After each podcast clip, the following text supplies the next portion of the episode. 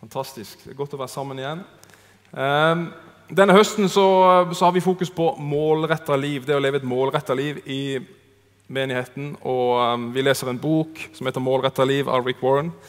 Og Hvis jeg uh, har telt riktig, så har 42 dager gått. Og For de av dere som har lest ett kapittel om dagen, så er vi ved veis ende. Kanskje ja, for noen dager siden, faktisk. Uh, men jeg er jo alltid spent på hva har denne boka betydd. Eh, noen vet mange leser eh, seinere enn hver dag. Så, eh, så Derfor skal vi fortsette tematikken noe fremover mot jul. Men i dag har jeg tenkt å adressere kanskje et av de temaene i boka som utfordra meg mest. Og det var, Jeg mener det var dag 24 om 'forvandlet gjennom sannhet'. Han snakker om hvordan, hvordan Gud bruker altså Han har tre kapitler om det å bli forvandlet. Forvandlet gjennom prøvelser, gjennom fristelser og forvandla gjennom sannhet. Hvordan Gud arbeider i livet vårt. Han bruker omstendigheter osv. for å forme oss, for å prege oss.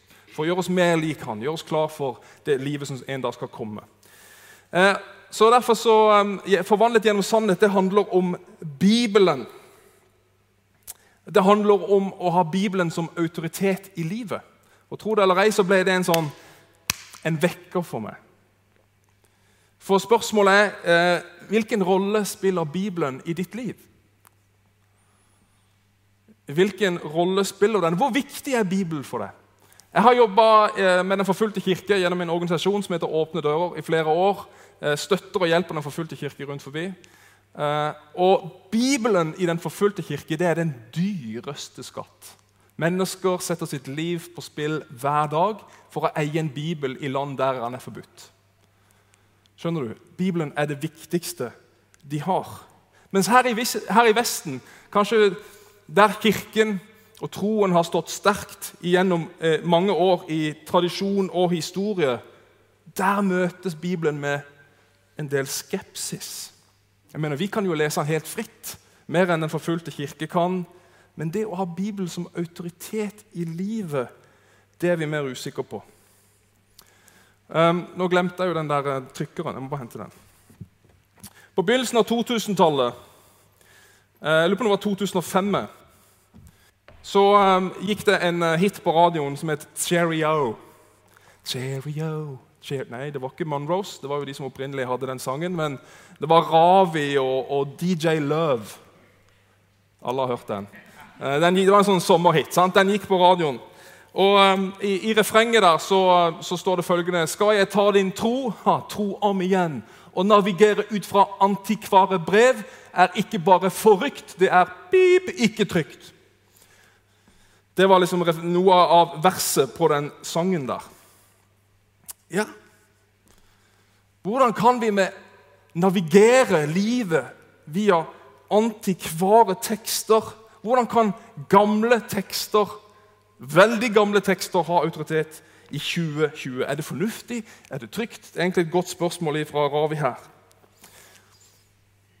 Ja, noen av oss føler oss jo ganske sånn trygge på det. Jesu ord, da, evangeliene. ikke sant? Eh, tankene, skriftene, tekstene om Jesu liv osv. Men resten av Bibelen ah, det blir liksom litt vanskelig. Du vet sikkert at Bibelen er verdens mest solgte bok. Oversatt i sin helhet til over 700 språk. Det er imponerende. Derfor er den også kanskje den mest studerte boka. Bibel, Navnet Bibel det betyr bøkene eller skriftene. Det er jo det vi har bibliotek fra. 66 bøker vi fikk det her. Over, eh, hva var det for noe? Over 1189 kapitler. Over 30 000 vers. Bare litt sånn fun facts her. Skrevet på hebraisk, arameisk, gresk som er veldig sånne konsise språk. Så når vi skal oversette til norsk, så må vi bruke mer ord for å på en måte dekke det. Originalen har faktisk 740 000 ord kortere. Originalen. Wow. Ok. Det tar um, Jeg vet ikke om du har lest hele Bibelen, men uh, hvis du leser den høyt, så tar det ca. rundt 80 timer å lese. Hvis du leser Det nye testamentet, så tar det rundt et døgn å lese det høyt. Ble du ikke litt gira? Har du ikke lyst til å prøve? Kanskje ikke. Nei. Bibelen er tjukk, og han er populær, og også veldig omdiskutert og for mange veldig forvirrende. Um, og Mange av oss blir jo usikre når vi, når vi, åpner en bibel. Kan vi liksom forstå det som står her? Jeg må jeg, må jeg tolke alt som står her? Har jeg, har jeg kunnskap nok? Nei, tenker Vi gir så fort opp og tenker at nei, det er derfor for pastoren eller presten eller teologen tar seg av. Andre er jo mer frimodige. Kanskje er du en av de som liksom ah, det er ikke noe problem. Å, det det. Ja, dette, dette, betyr den teksten for meg. Det er en veldig sånn typisk det vi kan høre en sånn frase i dag.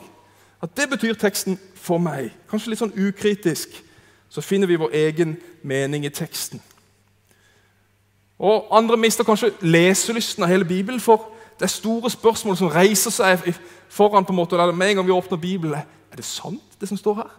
Har det virkelig skjedd? Skal jeg lese det bokstavelig? Og jeg, jeg, kommer ikke til å svare på alle de spørsmålene i dag, så det kan du være trygg på, for det tar tid. Men de fleste av oss vi har jo en bibel. Og du har sikkert flere utgaver hjemme. Men Det er ikke sikkert du leser så mye i dem. Men likevel så er Bibelen fundamentalt viktig i en kristens liv. Så vil vi leve i Guds hensikt med livet vårt, som er tematikken, så må vi forholde oss til denne boken, og den må være sentral. Jeg skal prøve å bruke de neste minuttene på å snakke om Bibelen ikke sant? som autoritet. Det er jo egentlig helt umulig, derfor så måtte vi se denne videoen. Men for at det skal være en fundamentalt viktig bok, hvis Bibelen skal være en autoritet i livet, så må vi forstå hva denne boka egentlig, hva den egentlig er for noe. Hva er Bibelen? Og ikke minst, hva er denne her til for? Og det vi vet det vi vet eh, er om Bibelen, eller det som vi kaller, vi kaller den gjerne for Guds ord, det står på noen av biblene Det vi vet, det er at det er en historie. Det er en historie som er skrevet av mennesker. Men han er inspirert av Gud. Jeg kommer tilbake til det verset, men det står jo at han er innåndet. Han er inspirert. God breathe. Derfor så tror vi at han er inspirert av Gud. Men han er skrevet av mennesker. En hellig bok skrevet av syndige mennesker. Vi snakker om paradokser, ikke vel? Og Kanskje du faller av allerede her. Men den kristne tradisjonen som vi er en del av Vi ser ikke på Bibelen som noe som bare kom dalende ned fra himmelen, som Gud sjøl har ført i pennen. Nei, Bibelen er blitt til gjennom menneskets historie men så tror vi at Gud taler til oss gjennom disse tekstene. Og Det er jo et paradoks. Og det er veldig komplekst. Men kanskje kan dette bildet hjelpe oss. Det er et, um, en kjent tegner visstnok, som heter MC Asher. Jeg tror han er nederlandsk. Og Dette bildet heter 'Drawing Hands'. Veldig kjent visstnok. Og Dette kan illustrere jeg tror ikke han tenkte på det nødvendigvis når han tenkte det, det vet jeg ikke, men det kan illustrere hvordan Bibelen på en måte er skrevet. Da har vi Guds hånd og vi har menneskets hånd om hverandre. Hvilken hånd som tegner den andre? Nei, vi vet jo ikke. Det går ikke an å se. Det henger sammen. Det er to ting som skjer på en gang. Og det, for, det, det illustrerer på en måte veldig godt hvordan Bibelen ble til. Guds historie, menneskets historie, det er på en måte vevd inn i hverandre. Og Det er jo et paradoks. Men vi er jo i utgangspunktet kanskje vant til paradokser i kristen tro. For vi vet jo også at Jesus han var både han var sant menneske og han var sant Gud. Da har vi også et paradoks. Jesus var begge deler samtidig. Og begge deler var like viktig. Så hvis vi kan se Jesu to naturer, som vi sier i teologien, så kan vi også se at Bibelen er begge deler samtidig. Helt klart en menneskelig side, men også en guddommelig side. Og begge deler er viktig. Henger du med? Ingen. Um, noen vil jo være frista til å på en måte viske vekk den ene, den ene menneskelige hånda, på en måte. Fordi vi klarer ikke paradokset. At den er påvirka av menneskers liv og historie og tid og kultur. De tenker at nei, det, er kun Gud som har diktert forfatterne av denne teksten. De er som sånne tomme kar, og, og Gud har bare diktert det de skal skriver. Han har styrt alt. Andre vil kanskje nei, vi må ha vekk den andre hånda der. Vi vil viske vekk hele Guds hånd. fordi vet du hva? Dette her er jo bare menneskelige historier. Og de klarer ikke å gi denne historien autoritet fordi det er så mye menneskelig i det. Vi sliter med paradokset. Men det er ikke enten-eller. Det er begge deler. Akkurat sånn som Jesus sjøl var Gud og menneske. Men altså, vi tror at Gud taler til oss gjennom menneskers historie. Og Det gjør egentlig Bibelen bare fryktelig mye mer interessant og ikke minst dyp. Men ok, hvordan ble Bibelen egentlig en autoritet? Hvordan ble den egentlig til? Hva var tenkt da når den ble til? Og Da må vi bare litt, litt inn i, i, Bibelen, selvfølgelig. For um, vet du hvor det er nevnt første gang i Bibelen at, uh, at, det omtales nedskrivningen av Bibelen? Noen som vet hvor det er hen? Nei, Da må vi til andre Mosebok, kapittel 17. Og, og Israelsfolket har da kommet ut av Egypt. De er frelst fra han der fryktelige farao. De, um, de uh, går inn i en ørken som er full av farer og bander, og de er et uh, lett offer for dette. her. Så plutselig så ender de da, de blir overfalt av amalekittene. Dette er en kjent historie for de som leser Bibelen. Uh, og Det ender med at Josva, da, som leder hæren der, han leder de i kamp mot amalekittene, mens Moses, som er lederen av flokken, han står på et fjell og løfter hendene. Og når han løfter hendene, så, så, så vinner de. Og hvis han senker hendene, så, så taper de. Veldig interessant, spesiell historie. Men det som står der i vers 14 er at siden sa Herren til Moses Skriv dette ned i en bokrull som et minne, og les det opp for Josfa. Første gang at vi leser i Bibelen om nedskrivningen av Bibelen. Interessant. Så her er altså den spede begynnelse. Men hvorfor skulle Bibelen skrives ned? Jo, for å bli huska. For å bli huska. For første gang så ser vi at Bibelen er en historiebok. Er du med? En historie om hvordan Gud redder og frelser og former og utvelger et folk. Det er Bibelen.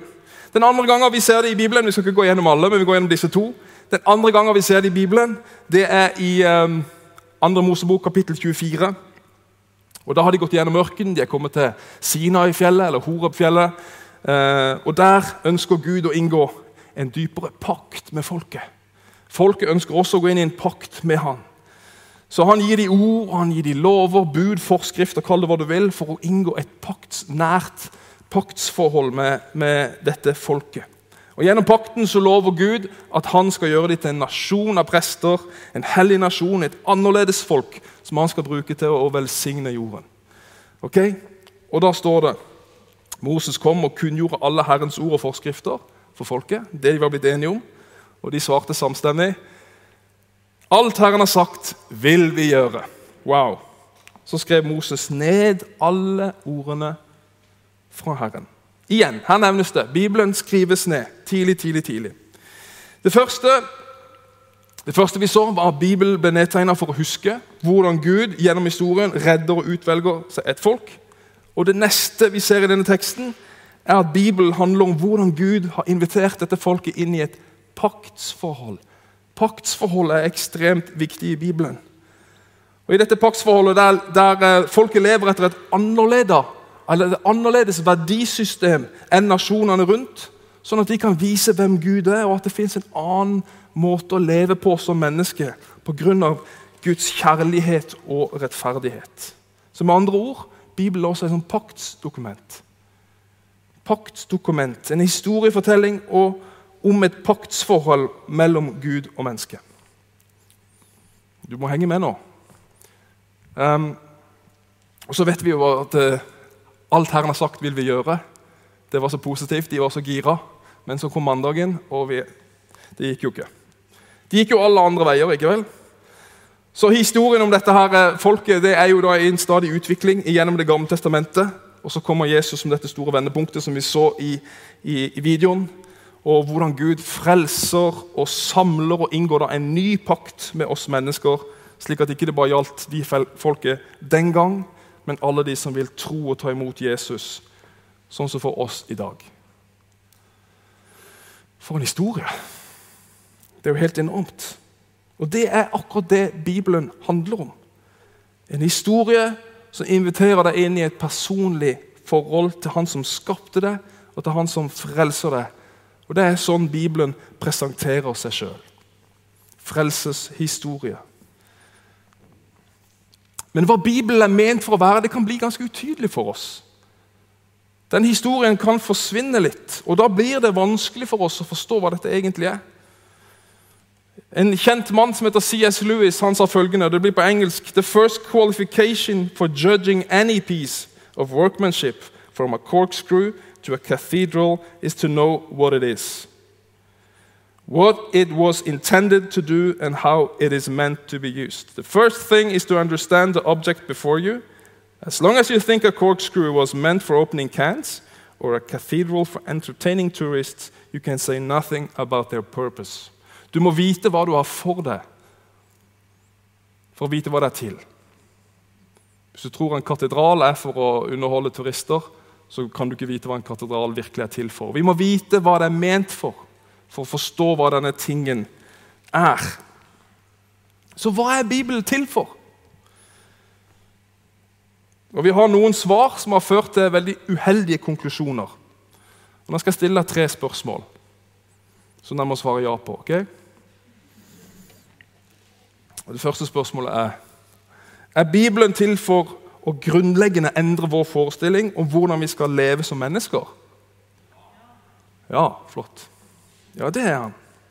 Et av formålene med Bibelen er helt klart å utfordre hvordan vi lever som mennesker. Uansett kultur, tid og sted. Den skal avsløre på en måte, levemåter, atferd som er ødeleggende for det gode livet som Gud har tenkt for mennesker. Ja, Bibelen skal endre vår livsstil. Absolutt.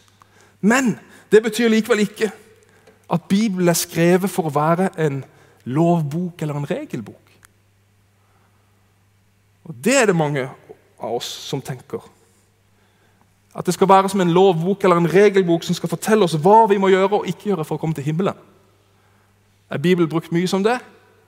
Yes, it is. Ja, det er han. Leser vi Bibelen som en regelbok, så mister vi poenget. Ja, det er masse bud og regler i Bibelen, men det er faktisk mye mindre enn det du tror. Det viktige er historien. Det er historien som teller. Bud og regler de er dessuten gitt inn i en tid, i en situasjon, i en kultur, og der Gud handler i en paktsrelasjon med ulike mennesker i ulike faser, med Abraham, med Moses og alle, alle disse lovene og alle disse reglene de er ikke nødvendigvis skrevet til oss i 2020. Vi kommer jo inn på et tidspunkt mye seinere i historien. Ja, Det hadde kanskje vært mye enklere for oss hvis Bibelen var skrevet som en sånn offiser som står og skriker eh, regler og ordre til oss. Men sannheten er at Bibelen ligner mer på en offiser som sier 'Det var en gang' Og så videre. Han forteller en historie. Det er nesten flaut å redusere Bibelen til å bli en sånn regel eller en lovbok. Er du klar for et spørsmål til? En av det. Goodness. Er Bibelen til for å påvirke og forme vårt verdensbilde? Ja. Skal Bibelen, skal Bibelen forme forståelsen av hvor vi er? Orientere oss sjøl, hva vi er, hvem vi er, hva, er, hva problemet er, hva er svaret på våre problemer, hva som, er, hva som er håpet vårt. Helt klart! Bibelen skal svare på det. Bibelen er til for det. Men betyr det at Bibelen er et um, oppslagsverk? Nei, det er den jo ikke. Men mange vil bruke Bibelen som det. Ja, for Hvis Bibelen er Guds ord, så vil den selvfølgelig gi, gi oss svaret på alt. Spesielt alle teologiske spørsmål, f.eks. Ja, og jeg tror han gir mange svar, men den er ikke ment å leses som et oppslagsverk hvor jeg kan finne svar på alle mine spørsmål. Det er som om vi skulle lese Harry Potter-bøkene for å finne ut av hvordan vi skal lære å trylle. Men da går du glipp av en lang og en god historie. Og mye større historie. Og Utfordringen er jo også at hvis vi bruker det som et sånn oppslagsverk, så kommer vi fram til ulike sannheter. Teologene kaster jo stein på hverandre fordi vi er uenige om hvordan han skal leses. Og ikke minst, Vi leser gjerne mer inn i tekstene enn det det egentlig står der, fordi vi ønsker at den teksten skal svare på det jeg mener er rett. Så Bibelen er helt klart til for å prege og forme hvordan vi tenker. Men det er også et stort kulturelt gap mellom oss og de som skrev den den gang. Og Vi vil jo møte ulike problemstillinger enn hva de hadde. Ulike situasjoner enn hva forfatterne møtte. Helt klart mange like, vi er mennesker sånn som de, men uten tvil mange nye situasjoner. Og Da er det litt problematisk å bruke Bibelen som sånn regelbok eller oppslagsverk. For, eksempel, for de av dere som har barn som er glad i gaming, videospill og you name it.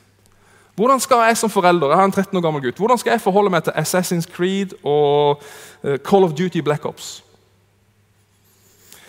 Skal vi se, Andre Mosebok, kapittel 3. Gaming Ikke bra. Det fungerer jo ikke. Det er ikke sånn, Jeg kan ikke bruke den som et oppslagsverk i, i, i en sånn situasjon. Og, og, I en sånn situasjon og i mange andre situasjoner så er det ikke hvilket kapittel eller vers som vi må bla opp for å gi oss svaret. Men det viktige da er hvilken historie er vi en del av. Hvilken historie er en del av? Og inspirert av Den hellige ånd og i etterfølgelse og trofasthet, trofast etterfølgelse av Jesus, så vil jeg få visdom til å håndtere sånne problemstillinger uten å bruke den som et himla oppslagsverk. Hvilken historie er det en del av? Hva er det historien gir meg? Bibelen er ikke ment for å være et teologisk oppslagsverk, men den skal selvfølgelig forme og prege vår verdensforståelse, hvem vi er, og hvem Gud er. Skal vi ta det siste spørsmålet, da? Er Bibelen til for å formidle Guds ord til mennesker? Ja, han er jo absolutt det. Tekstene formidler Guds ord til oss. Men betyr det at Bibelen er skrevet til oss nordmenn? Sånn som vi ville foretrekke det på norsk? Nei, det er jo ikke det. Nei, Gud, Gud åpenbarte sitt ord gjennom historien. Ok, det har vi skjønt nå. Langt unna Norge, i en helt annen kultur og på et annet språk. Vi, vi fikk høre det i videoen Han skrev på hebraisk, han skrev delvis på arameisk og senere da Nytestamentet på gresk. Få av oss kan disse gamle språkene. De brukes jo ikke lenger engang. Men heldigvis har kloke hoder veldig kloke hoder gjort en enorm jobb i å oversette disse tekstene som var skrevet den gang, på disse språkene, sånn at vi kan høre Guds ord gjennom den norske oversettelsen. Og vi kan være trygge på at det er Guds ord. Og bare så det er sagt i forhold til det med oversettelse, Du har sikkert hørt mye fra kritikere om oversettelse av Bibelen. Men det arbeidet der er utrolig solid og korrekt. Mer enn det du kanskje vil tro. Ok, Dette er litt nerdete, men det du ser her, det er en kopi, eller et bilde av den, den eldste uh, uh, utgaven vi har av Det gamle testamentet. Den heter Leningrad Codex. Han er fra 1008 etter Kristus.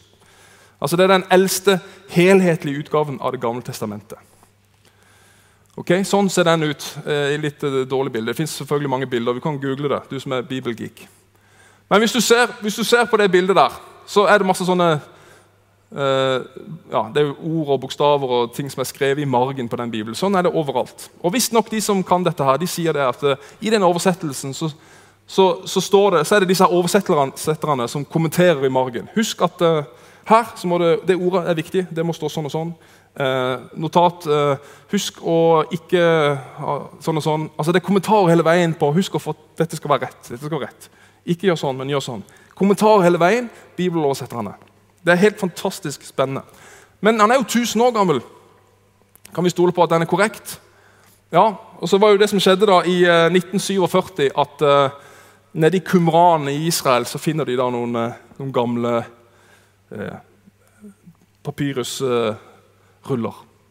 Kumran, Dødehavsrullene. Dere har hørt om det, kanskje. Og De er jo da fra allerede ja, 150 år før Kristus. Av gamle, kopier av Det gamle testamentet. Og Så Sammenligner de dette og så finner de ut at det er jo vanvittig likt. Fra den 1000 år etter Kristus til de som er skrevet da 150 år før Kristus. Så ser de wow, den oversettelsen har jo gått ufattelig bra. Jeg var i Kumran sammen med noen i menigheten her i, eh, i, i, vår. og Det var fantastisk å se det stedet og se det museet og, og høre hvordan de har jobba. Enormt arbeid med oversettelse. Er det forskjeller mellom de tekstene? Ja, det er absolutt forskjeller. Er noen av de store? Ja, faktisk. Noen av de er ganske store. Men fordi Bibelen har sitt fundament i historien, så kan vi spore tilbake, lese oss tilbake og finne ut av hva var det som gikk galt, hvorfor er den oversettelsen annerledes osv. Så, videre. så du kan spore hvorfor det står annerledes.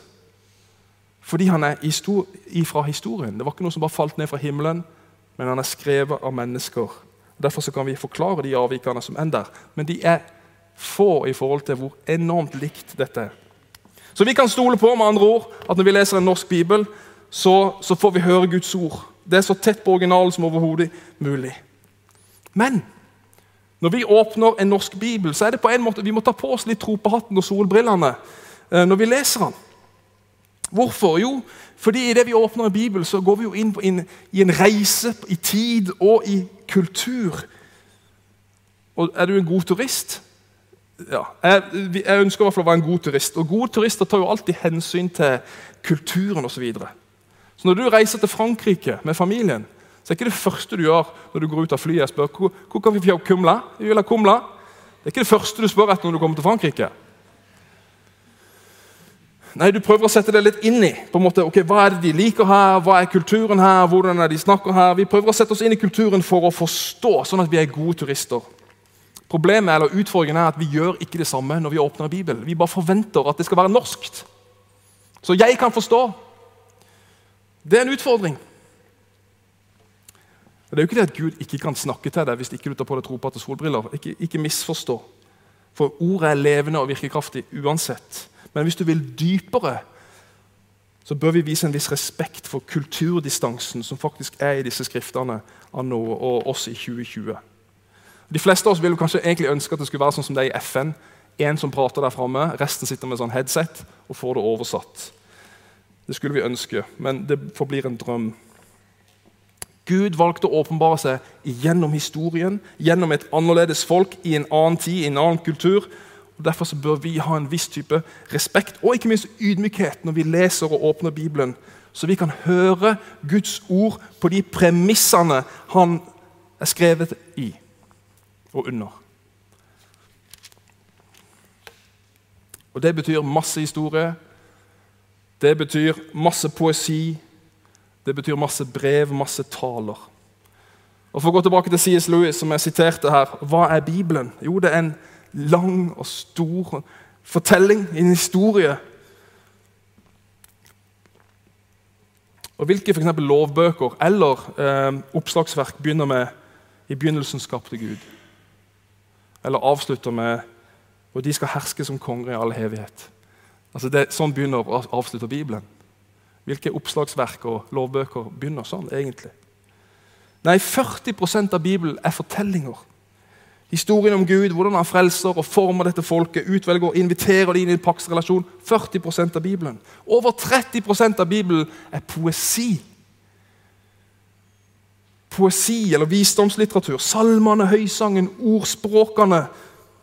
Eller du masse poesi også inn i andre skrifter, som Jobbs bok, Forkynneren. Og poesi Poesi det er en litterær sjanger som ikke nødvendigvis prøver å gi oss fakta eller informere oss om ting. Men poesi det er en sånn kreativ litteratur som skal prøve å engasjere og vekke fantasien din og følelsene dine. For tenk på det, En tredjedel av Bibelen prøver ikke å gi deg informasjon, men vil bevege din ånd og sjel. Har du tenkt på det noen gang? En tredjedel av Bibelen. Oppslagsverk og regelbøker de funker i hvert fall ikke sånn. Resten av Bibelen det er da rundt overkant av 20 er taler, brev, dialog osv. Som også er knytta til kontekst, til kultur og til situasjon. Det er ikke bare å lese det som et oppslagsverk og som en regelbok. Ok, Mot slutten her nå. Paulus han skriver hva Bibelen er ment for, andre, til en ung pastor som heter Timoteus. Han minner, om, minner Timoteus om hvor viktig det er å, um, å lese Skriften. Men du skal holde fast på det du har lært og blitt overbevist om. Timoteus. Du vet jo hvem du har lært det av.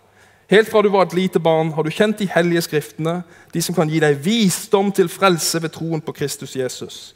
Hver bok i Skriften er innblåst der har vi det ordet, av Gud og nyttig til hva da for noe? Jo, til opplæring, til rettevisning, veiledning, oppdragelse i rettferd. Så det mennesket som tilhører Gud, kan bli fullt utrustet til all god gjerning. Da har vi det. Bibelen sjøl forklarer hva han er ment for. Ok, Han er nyttig til opplæring. Han skal lære deg det du ikke visste fra før.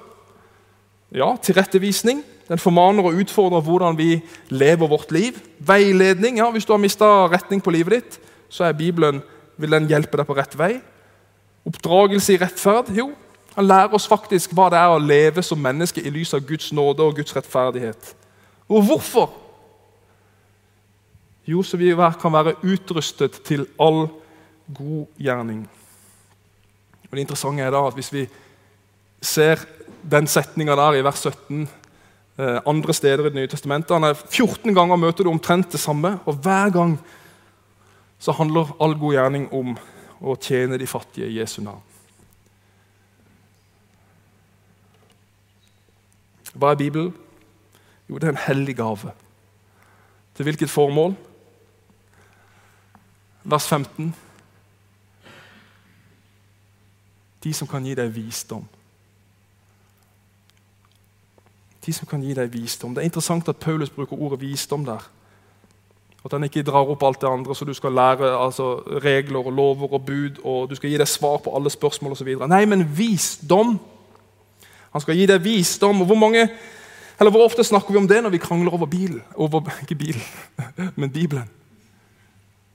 Hvor ofte bruker vi visdom? Tenker vi på visdom, at det er det Bibelen skal gi oss når vi diskuterer Bibelen? Men visdom om hva Gud har gjort gjennom historien for å frelse mennesket. Frelsen som mottas med nåde og tro på Jesus fra Nasaret, Israels Messias.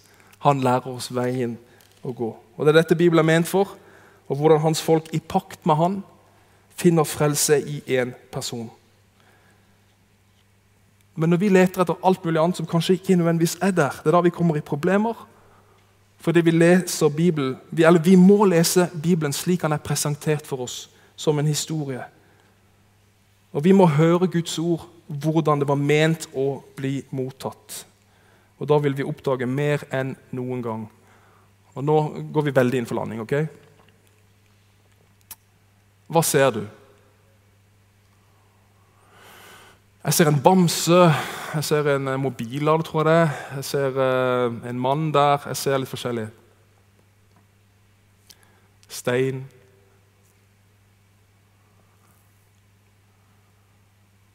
Hva ser du? Jo, jeg ser fortsatt masse barn her. Mobilladeren er jo der. Det kommer litt mer fram her. Det er nesten vanskelig å si det på den avstanden, men det er mye forskjellige greier. Jeg ser et amerikansk flagg der oppe. Jeg ser noen hender. Hva ser du? Oi, det var jo Jesus. Var fascinerende. Bibelen, er Bildemosaikk, som de kaller det.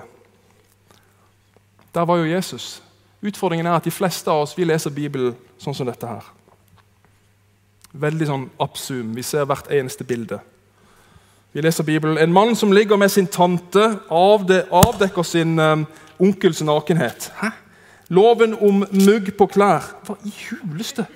Lot ligger med døtrene sine i fylla. Nei, nei, nei, nei, jeg må bare til Jesus. Vent litt. her, skal vi se. Åh, Elsk neste som deg selv, ja.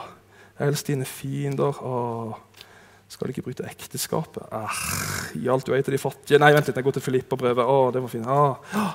Sånn. sånn leser vi Bibelen.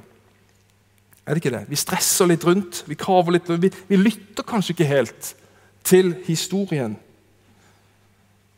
Men Paulus han sier jo at Bibelen det, det handler om dette bildet av Jesus. Så vi har en ramme, vi har en, vi har en, kontekst å lytte til i hvert bilde som gis. Det er Jesus det handler om. Salme 1, mange av dere har lest den. Den handler jo om å meditere over Guds ord. La det synke inn, lytte til det. Lytte, meditere. Og det, Bibelen er ikke skrevet sånn at når du leser det én gang, så forstår du det. Bibelen er ikke skrevet sånn nødvendigvis. Det er kanskje ikke sånn at vi forstår alt heller etter vi har lest det 400 ganger. Fordi det er skrevet for, for en hel menneskehet over en lang tidsalder. Selvfølgelig vil vi forstå noe, men etter hvert så vil det bli avdekt mer og mer ettersom vi lytter til det og mediterer over det, og det skal peke oss til Jesus. Helt til slutt. Bibelen har autoritet fordi Jesus sa at han var viktig. Jesus elska Skriftene. Altså Det gamle testamentet var jo hans bibel. For det gamle testamentet, sa han, det pekte på han. Ja, mer enn det. Bibelen sier også at Guds ord, hele historien, har ledet til et liv i Han. Han er Guds ord. Han er Ordet. Og I Han så har vi, har vi framtid. Ordet som ble menneske. Bibelen har autoritet fordi Han har all makt i himmel og på jord, som Han sier. Og så formante Han jo fariserene, sånn som, jeg, som uh, Maria leste. At dere gransker Skriftene, for dere mener dere har evig liv i dem. Men hallo, de vitner om meg. Bibelen, Guds ord, ja, den er stor og kompleks. Likevel han handler om én ting. Det handler om Jesus. Den handler om Jesus. og Derfor skal vi gi ham den respekt han fortjener. Og så åpenbarer likevel Jesus seg for mennesker gjennom teksten, uten at de har master i bibelvitenskap eller teologisk kompetanse. Selvfølgelig. Det hører jeg jo fra den forfulgte kirke. De har ingen bakgrunn whatsoever. Første gang de leser Bibelen, bang, Jesus bare forvandler deres liv. Så det er ikke det at ikke det går. Selvfølgelig. Men så gjelder det til slutt da, for oss å ha tid til å lese denne boka. Vi har jo ikke tid til så veldig mye lenger i denne verden. Men vi må la Jesus få tid til å åpenbare seg gjennom disse tekstene. Og så må vi ikke minst ha fokus på å lese historien. Ikke bare hoppe fra bibelvers til bibelvers. Vi har sånn uh, hva er for noe sånn bibelkorn eller hva det heter for noe på kjøkkenbordet, sant? hvor du trekker et lite bibelvers. Det, det, det, kan være fint, det, men hvis vi bare leser Bibelen i sånne enkle vers, så forstår vi ikke hva den egentlig handler om. Så det må vi gjøre noe med. Har du tid til det? Og Ikke minst så har vi noe som menighet å lære der. For Hvis alt vi presenterer her, er tre korte bibelvers hver søndag, så vil vi jo lese Bibelen deretter. Kanskje burde vi lese Guds ord mer høyt, så vi kan få sitte og lytte det. I hvert fall lese Guds ord i større sammenheng enn bare de små kapitlene. Og jeg tror at da vil Jesus bli større for oss, fordi han er i dette. Han er i galskapen. Det er disse to hendene. Det er mennesket. Det er Gud i dette. Ja. Du er en del av en historie. Om ikke vi forstår alt, om ikke du får tid til å lese, så er vi likevel del av en historie som har en retning, som har håp, og som gir vei. Og det er denne historien. Og den historien han skal skrive gjennom mitt og ditt liv. Amen. Er hodet fullt nå? Ja. Skal vi be en bønn? Herre, vi takker deg for ditt ord. Takk for um, at du har gitt det til oss. Takk for at vi får lese det i et fritt land. Og så ser du her at vi har, vi har kanskje anstrengte følelser knytta til det, mange av oss. Men jeg vil be Herre, ved din ånd om din nåde til å forstå, Herre, og krefter til å lese historien og til å finne oss sjøl i denne historien. Herre, vi vil leve hensikts- eller målretta liv. Det ønsker vi, Herre, at våre liv skal være innretta på din vei. Og Derfor så trenger vi disse ordene. Så Hellige Ånd, kast lys over dette, så det blir levende for oss. Gi oss en ny kjærlighet til ditt ord. Ikke som en regelbok som vi skal forsvare våre meninger med. Ikke som et oppslagsverk som, som vi trenger for å gjøre det ene eller det andre.